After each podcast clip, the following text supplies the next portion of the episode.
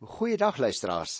Ons is nou klaar met die Here se profetiese rede in verband met sy wederkoms en al die dinge wat dit vooraf sal gaan en wat dan ook sal gebeur. En vandag is ons dan hier by Markus by die 14de hoofstuk. En hier is nou heeltemal 'n soort van 'n ander atmosfeer. Bo-aan staan geskrywe: Jesus se dood word beplan. En ek wil baie graag nogal redelik in detail hierop ingaan want dit is in die kerklike jaar gewoonlik hierdie soort van materiaal wat ons lees wanneer ons oor die lydenstyd met mekaar handel. So kom ons begin Miskien net eers so 'n bietjie agtergrond gee hier by die eerste vers in Markus 14. Daar staan 2 dae later sodat die Paasfees en die fees van die ongesuurde brood wees. Die priesterhoofde en die skrifgeleerdes was op soek na 'n plan om Jesus op 'n slinkse manier gevange te neem en dood te maak.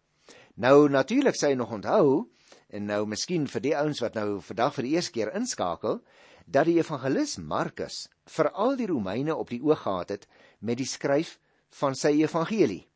En jy sal ook onthou dit is die eerste van die evangelies wat neergeskryf is. Ons weet nie presies nie so iewers tussen 50 en 68 na Christus. En uh Markus is nogal baie lief daarvoor om sy vertellings te onderbreek. En hier kry ons nou ook so 'n onderbreking. Dit het nou, soos ek gesê het, gegaan oor sy profetiese rede en uh ons gaan nou nou weer voort met die gedeelte van die gebeurtenisse daar in Jerusalem waarin hy self betrokke was, maar nou skuif die kamera se lens so 'n bietjie. Want jy moet onthou as ons nou praat oor hierdie Paasfees dat alle manlike Jode ouer as 12 elke jaar vir die Paasfees na Jerusalem toe gegaan het. En met die Paasfees is die gebeure soos wat mense dit kry en Eksodus 12 natuurlik nou herdenk. Toe die Here die volk uit Egipte land laat wegtrek het en 'n uh, doodsengel uh het gekom, maar nie ingegaan by die huise waar die bloed van die Paaslam aan die deurkusyne gesmeer was nie. Die dag van die Paasfees is dan gevolg deur 'n lang 7-daagse fees wat as die fees van die ongesuurde brood bekend gestaan het destyds.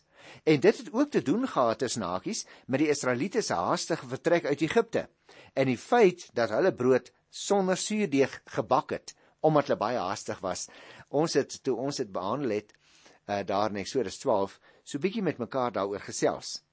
Nou tydens daardie Joodse fees het die mense 'n baie spesiale maaltyd voorberei wat dan gewoonlik bestaan het uit lamsvleis en wyn en bitterkruie en dan wat ek nou nog genoem het, die ongesuurde brood. Die hele week het later bekend geword as die Paasfees, omdat dit net na die dag van die Paasfees gevier is.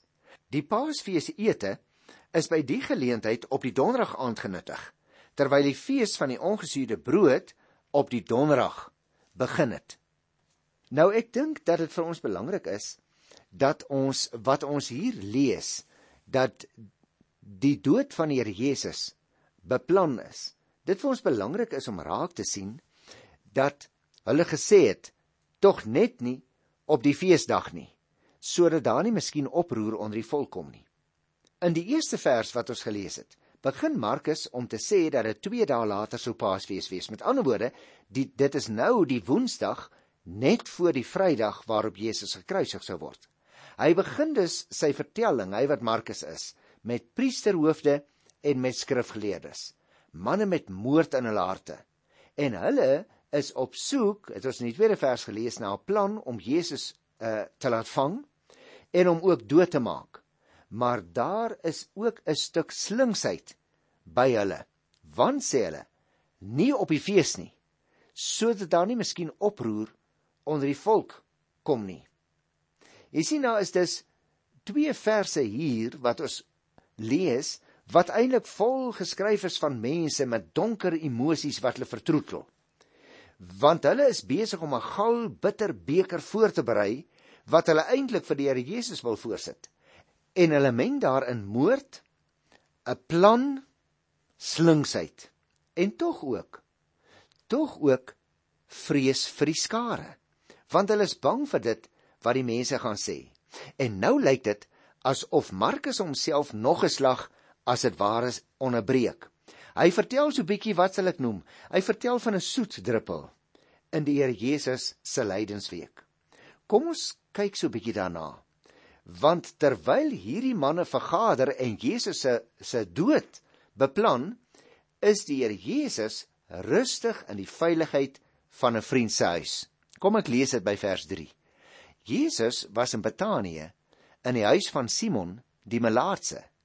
Terwyl hy aan tafel was, het daar 'n vrou ingekom met 'n albaste fles egte baie goeie nardesolie. Sy het die fles oopgebreek en die inhoud daarvan op sy kop uitgegiet. Nou ons weet van hierdie man Simon niks nie behalwe dat hy vroeër melaats was. Anders sou die Here Jesus en sy mede-Jode nie by hom kon vergader vir die Paasfees nie, want 'n mens kon natuurlik nie jou besig hou met 'n melaatse as jy op pad is na die Paasfees nie. Maar nou kom daar ook 'n vrou in hier in hierdie klein dorpie Betanië wat beteken die huis van groen vye. Dit is so tussen hakies, dit is so min of meer 4 km van Jerusalem af en dit lê daar teen die oostelike hang van die Olyfberg. Jerusalem net oor kan die Kedronvallei teen die westelike hang. Die Here Jesus se vriend Lazarus en sy susters Martha en Maria het ook daar gewoon. Die ander evangeliste tussen hakies vertel dat hulle almal daar was. Ook nog Judas. En dan gaan die deur skielik oop. 'n Onbekende vrou kom in. Die Bybel vertel vir ons nêrens wat haar naam was nie. Sy stap as dit ware, as ek nou so 'n prentjie mag teken, sy stap as dit ware uit die donker nag in die lamplig in. En later gaan sy net so verdwyn. As 'n onbekende stap sy weg uit ons gesigsveld. Sy gaan staan voor die tafel waar die manne op hulle elmboë leun daar langs die tafel. Dit was die gewoonte van daardie tyd en hulle is besig om die Paasmaaltyd te eet. Hulle roep die verlossing uit Egipte land in herinnering. Nou iewers uit haar klere haal hierdie onbekende vrou 'n kruik baie waardevolle nardesolie. Dit is destyds in Indië gemaak van die wortels van 'n nardesplant en die waarde daarvan was gelyk aan 'n gewone werker se salaris vir 'n hele jaar en dan breek sy die dun nek van die kruik. En dan gooi sy die hele inhoud daarvan sonder enige verdere seremonie op die Here Jesus se kop uit. Groot liefde en verering, sou ek wou sê, maar ook 'n profetiese daad, want sy salf hom onwetend soos 'n ware koning. Die teks sê om presies te wees, terwyl Jesus aan tafel was, het daar 'n vrou ingekom met 'n albaste fles egte duur nardesalf.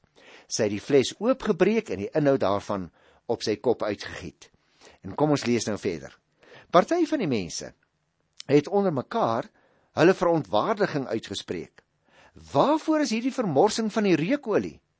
Hierdie reukolie kon vir meer as 300 silwermuntstukke verkoop en die geld vir armes gegee gewees het. En hulle het teen haar uitgevaar. So skryf Markus hier in die 14de hoofstuk vers 4 en 5. Hy praat van het jy opgelet? Hy praat van party van die mense. Terwyl Johannes vir Judas Iskariot by die naam noem in Johannes 12 vers 4.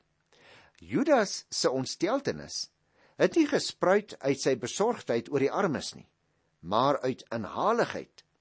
Hy het Jesus se geldsaake tydens sy bediening baartig hier op die aarde en het al in die verlede van daardie bydraes gesteel. Gaan lees maar in Johannes 12 vers 6 en sal jy dit sien. En nou wou hy baie graag hê dat die olie verkoop moes word, want dan sou die inkomste daaruit ook in sy sorg geplaas word. So die 300 silwer muntstukke was naaste by gelyk aan 'n loonarbeider se vergoeding vir 'n hele jaar soos ek net nou gesê het. Die kosbare nardesolie was dus baie duur. En daarom beskou Judas en van die ander disippels dit as 'n vermorsing. Maar kom ons lees nou hier in die 6ste vers, want hier kom nou interessante gegevens by. Die 6ste vers sê vir ons laat staan haar het Jesus gesê. Waarom maak julle dit vir haar moeilik? Sy het 'n goeie daad aan my gedoen. U sien, die man van Nasaret in sy mond lê die woorde van die lewe. En Hy is nie vinnig om te veroordeel nie. Hy neem hierdie onbekende vrou in sy beskerming. Laat staan haar. Sy het 'n goeie daad aan my gedoen, sê hy. Jy sien luisteraar, teenoor die ander mense se afkeuring staan hierdie vrou wonderlik ook voor die goedkeuring van die Here Jesus. Want Jesus het nie bedoel dat ons die armes moet verwaarloos nie. Hy het ons beslis nie aangemoedig om onverskillig teenoor hulle te staan nie. Nee. Hy het Maria geprys omdat sy om met volkomme onselfsugtigheid aanbid het. Die kern van aanbidding is immers volkomme liefde, eerbied, toewyding aan Christus, as ook die bereidwilligheid om die kosbaarste in die mense lewe vir hom op te offer. Toe Jesus later begrawe is, was daar nie tyd om sy liggaam volledig te reed gereed te maak vir die begrafnis nie. En daarom sê hy dat hierdie vrou hom as dit ware al vooruit gesalf het. Ons weet dat die vrou hom die sonoggend vroeg wou gaan salf het, maar dat hy toe al reeds opgestaan het. Kom ons kyk nou hier na die 7de vers. Julle het nog altyd armes by julle. En wanneer julle wil, kan julle aan hulle goed doen. Maar vir my het julle nie altyd by julle nie. Dit is asof die Here Jesus skielik ook sy eie lering onthou wat ons behandel het daar in Matteus 6 vers 2 en 4 toe hy ook gepraat het oor die armes. Maar nou wil hy vir hulle sê julle moenie nou skielik oor die armes bekommer wees nie want vir my het julle nie altyd by julle nie. Sy het ten minste goed aan my gedoen terwyl sy nog kon.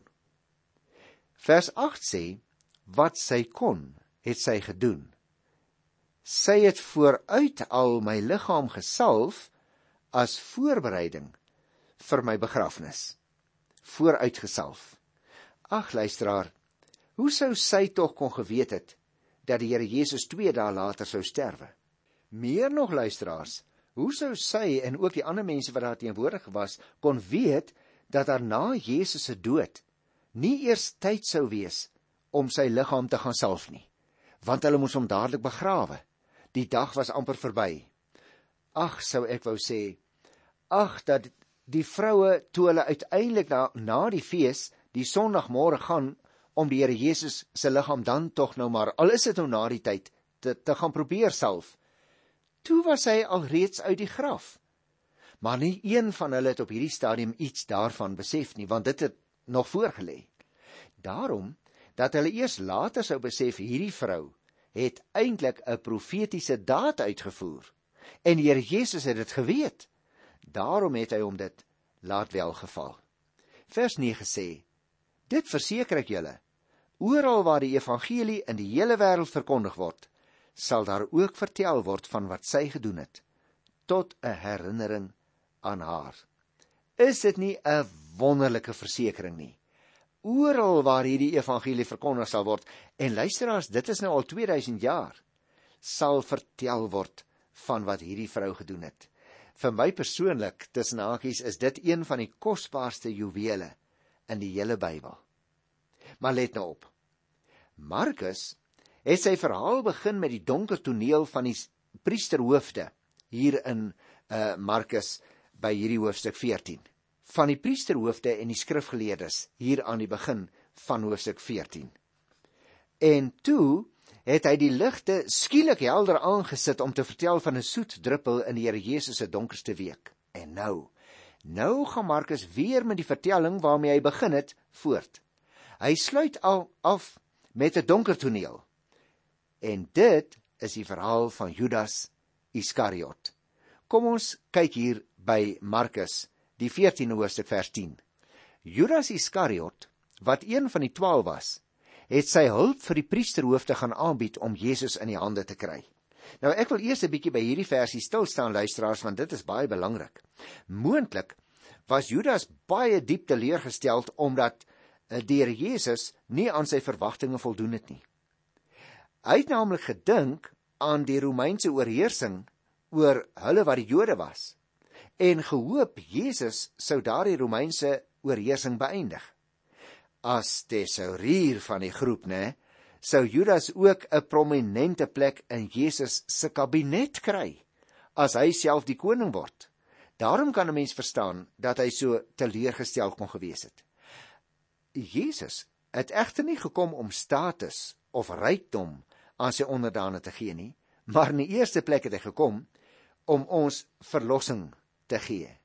Wat 'n teleurgestelde man moes hierdie kassier of minister van finansies, hoe jy hom ook al wil noem, nie gewees het nie. Sy egosentriese optrede staan duidelik afgeteken teenoor wat die Here Jesus juis besig is om vir sondaars soos hy self te doen. Daarom wil hy so vinnig as moontlik weggaan en by die Jode kom om vir hulle aanbod te gaan maak. Die 11de vers sê: Toe hulle dit hoor, was hulle bly en het hulle beloof om hom daarvoor te betaal. Hy het toe na 'n plan gesoek om Jesus by 'n geskikte geleentheid te verraai. Kan jy dit glo? Hy sê as dit ware vir die Jode, ek wil vir julle 'n aanbod maak. Ek sal Jesus vir julle in die hande kry. Mag ek luisteraar net 'n laaste opmerkingie maak oor hierdie Judas, want ek is so bang ons stap te vinnig van hom af. Jy sien, mense het nog altyd gemengde gevoelens gehad oor hierdie Judas. Party mense haat hom vurig omdat hy die Here Jesus verraai het. Ander kry hom weer jammer omdat hy nie besef het dat hy deel is van 'n groter goddelike plan nie. Dan is daar selfs ander mense wat van hom 'n held wil maak. Omdat hy so 'n prominente aandeel gehad het aan die slotgebeure van Jesus se aardse bediening. Daar selfs ook mense wat vra, hoe is dit dan moontlik dat God kon toelaat dat een mens so 'n geweldige skuldlas dra? Ek wil eintlik maar net daarmee vir jou sê dat daar dus baie uiteenlopende menslike menings oor hierdie man Judas in die geskiedenis geformuleer is. Maar aan die ander kant wil ek dadelik vir jou sê, die verhaal oor Judas laat jou en my ook weer 'n slaggie goed nadink oor ons eie toewyding aan God. Dit laat ons indringend kyk na die beheer van die Heilige Gees oor ons lewens. Is ons loyale disippels en volgelinge? Of of is ons net mense wat voorgee om volgelinge te wees? Jy sien die keuse is tussen egtheid of pretensie wanneer ons hierdie man Judas in die Bybel ontmoet. As mense kan ons maklik in die Judas laagte beland waar die sug na mag en na roem en na geld ons hele lewe beheer uit die Judas laagte kom 'n mens slegs uit deur egtheid en berou en 'n totale toewyding aan Jesus Christus oor jou sonde. En daarom moet ons nie ligtelik by hierdie man verbystap nie want ons kan by hom ook dinge leer wat dalk in ons eie lewens baie baie neerslag gevind het. En nou het hy aan die werk gespring. Van nou af het hy sy oë oopgehou verraad begin met hoë vlamme in sy hart brand omdat hy 'n materialistiese begeerte het. Verraad wat sou uiteindelik sou uitloop op die donkerste gebeurtenis wat hierdie wêreld ooit geken het. Nee, miskien moet ek sê luisteraar, dalk het ek my verspreek. Want jy sien die gebeure op Golgotha was wel donker. Maar Jesus se sterwe het vir ons die lewe, die ewige lewe gegee. Maar kom ons gaan voort met hierdie verhaal. Ek wil graag lees hier by die 12de vers in Markus by die 14de hoofstuk. Op die eerste dag van die fees van die ongesuurde brood, die dag waarop die Jode al die paaslammers geslag het, vra Jesus se disippels vir hom: "Waar wil u hê moet ons gaan regmaak vir u om die paasmaaltyd te eet?" Hy stuur toe twee van sy disippels en sê vir hulle: "Gaan die stad toe. Daar sal julle 'n man kry wat 'n kruik water dra en vir wie jy ontmoet. Gaan saam met hom. Nou luisteraars, as 'n mens nou hierdie gedeelte lees, dan wil dit amper lyk asof Jesus die plek van die feesmaal nie nou al wil bekend maak nie. Daarom gee hy net half wat ek sou noem va aanduidings van die reëlings en toe stuur hy vir Petrus en Johannes na 'n man toe wat 'n kruik water dra. Nou, dit is interessant dat Markus uh juis daardie opmerking van die Here Jesus vir ons aangeteken het. Jy moet natuurlik onthou luisteraar, mans het nie eintlik kruike water gedra nie. Dit was vir al die vrouens wat die kruike water gedra het. Daarom sou dit 'n baie opvallende teken wees wat die Here vir hulle gee as hy sê let op na 'n man wat 'n kruik water dra. Ek wonder of die Here Jesus reeds vooraf die reëlings gemaak het met die eienaar van die huis. Maar ek wil nie spekuleer nie want daaroor word ons niks gesê nie. Nou staan hier van die 14de vers af waar die man ingaan, moet julle vir die eienaar van die huis sê, ons leermeester vra, waar is my kamer waar ek die paasmaaltyd saam met my disippels kan eet? Hy sal julle dan 'n groot bovertrek wys wat klaar daarvoor ingerig is. Daar moet julle vir ons die paasmaaltyd voorberei. Baie huise het natuurlik in daardie tyd groot bovertrekke gehad. Dikwels was daar nie net in die huis trappe na bo nie maar ook aan die buitekant van die huis. Die voorbereidings vir die Paasmaaltyd sou dus beteken dat die tafel gedek moes word. En die Paaslam en die wyn en die kos moes gebring word. As hulle nie gehad het nie, moes hulle koop en dan moes die tafel gedek word met al hierdie dinge wat hulle gaan gebruik tydens die herinnering aan die uittog uit Egipte land. Dis nakies, die Paasmaaltyd het gewoonlik tot so ongeveer by midderdag geduur. En nou kry ons hierdie opmerking in die 16de vers. Die disippels het toe gegaan en in die stad gekom en alles gekry soos Jesus vir hulle gesê het. En hulle die Paasmaaltyd voorberei.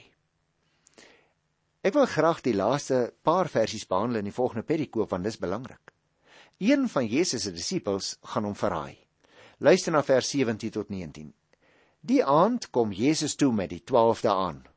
Terwyl hulle sit en eet, sê hy: "Dit verseker ek julle, een van julle sal my verraai. Een wat saam met my eet." Hulle was onthuts. En een na die ander het hulle gevra: "Dit is tog nie ek nie?" Nou hierdie is natuurlik 'n baie belangrike stukkie geskiedenis vir ons luisteraars, want Judas was die man wat hom sou verraai. Jy kan gerus aan kyk op Psalm 41 vers 10, daar kry jy ook 'n uh, ooreenkoms en 'n raakpunt met hierdie gedeelte. En hy, Judas, was saam met die ander aan die tafel.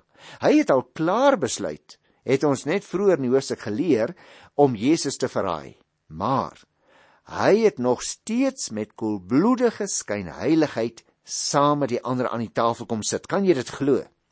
Judas en Jesus doop hulle kos in dieselfde sousbak. Die sous het bestaan uit dadels, vye en rosyne waarskynlik, want dit was die gebruik van die tyd wat met speserye en wyn of soms ook met asyn gemeng is.